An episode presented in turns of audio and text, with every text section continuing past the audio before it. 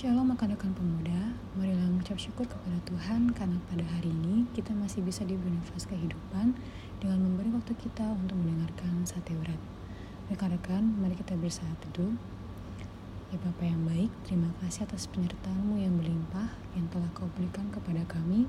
Kami menaikkan doa kami dengan kerendahan hati kami di dalam keterbatasan diri dan kekuatan kami. Kami tahu bahwa setiap hari baru adalah bukti kasih-Mu atas diri kami agar kami bisa memperbaiki sikap dan perbuatan kami. Inilah doa syukur kami, hanya dalam nama Tuhan pengasihan-Mu kami berdoa. Amin. Rekan-rekan, pembacaan Alkitab kita pada hari ini terambil dari Yesaya 62 ayat yang pertama sampai yang kelima. Beginilah firman Tuhan. Oleh karena Sion, aku tidak dapat berdiam diri dan oleh karena Yerusalem, aku tidak akan tinggal tenang sampai kebenarannya bersinar seperti cahaya dan keselamatannya menyala seperti suluh. Maka bangsa-bangsa akan melihat kebenaranmu dan semua raja akan melihat kemuliaanmu. Dan orang akan menyebut engkau dengan nama baru yang akan ditentukan oleh Tuhan sendiri. Engkau akan menjadi mahkota, keagungan di tangan Tuhan, dan serban kerajaan di tangan Allahmu engkau tidak akan disebut lagi yang ditinggalkan suami, dan negerimu tidak akan disebut lagi yang sunyi. Tetapi engkau akan dinamai yang berkenan kepadaku, dan negerimu yang bersuami, sebab Tuhan telah berkenan kepadamu, dan negerimu akan bersuami. Sebab seperti seorang muda belia menjadi suami seorang anak darah, demikianlah dia yang membangun engkau akan menjadi suamimu. Dan seperti girang hatinya seorang mempelai, melihat pengantin perempuan, demikianlah Allahmu akan girang hati atasmu.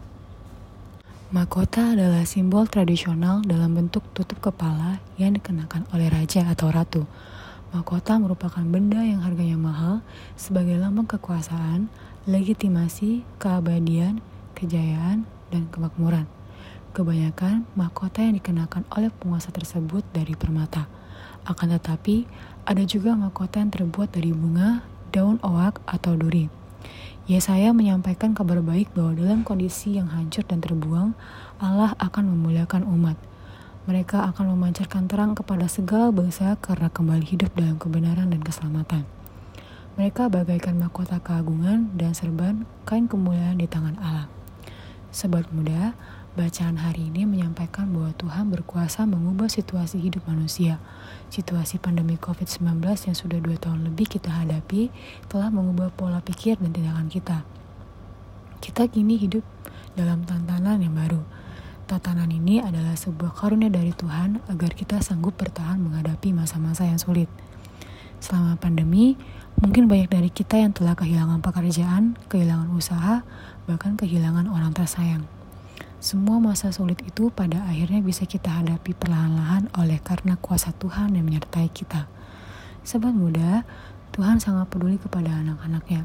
Ia setia, beserta dan menjaga kita melewati masa-masa yang sulit, karena baginya kita sangatlah berharga. Kiranya kepedulian Tuhan atas hidup kita menjadi alasan utama bagi kita untuk terus memancarkan terang kemuliaannya lewat karya lain kita setiap saat. Marilah kita berkarya di hari ini untuk menjadi pembawa terang, pembawa kebaikan bagi sesama. Amin. Mari kita bersatu di dalam doa. Ya Bapa, kami sudah mendengar firman-Mu, kiranya firman-Mu yang kami dengar bisa kami terapkan dalam hati kami, dan Tuhan sebentar kami akan melanjutkan aktivitas kami, dan pinjalah kami di sepanjang hari ini ya Bapa, agar apa yang kami kerjakan adalah bersumber daripadamu. Dalam tangan pengasihan kami berdoa, haleluya, amin.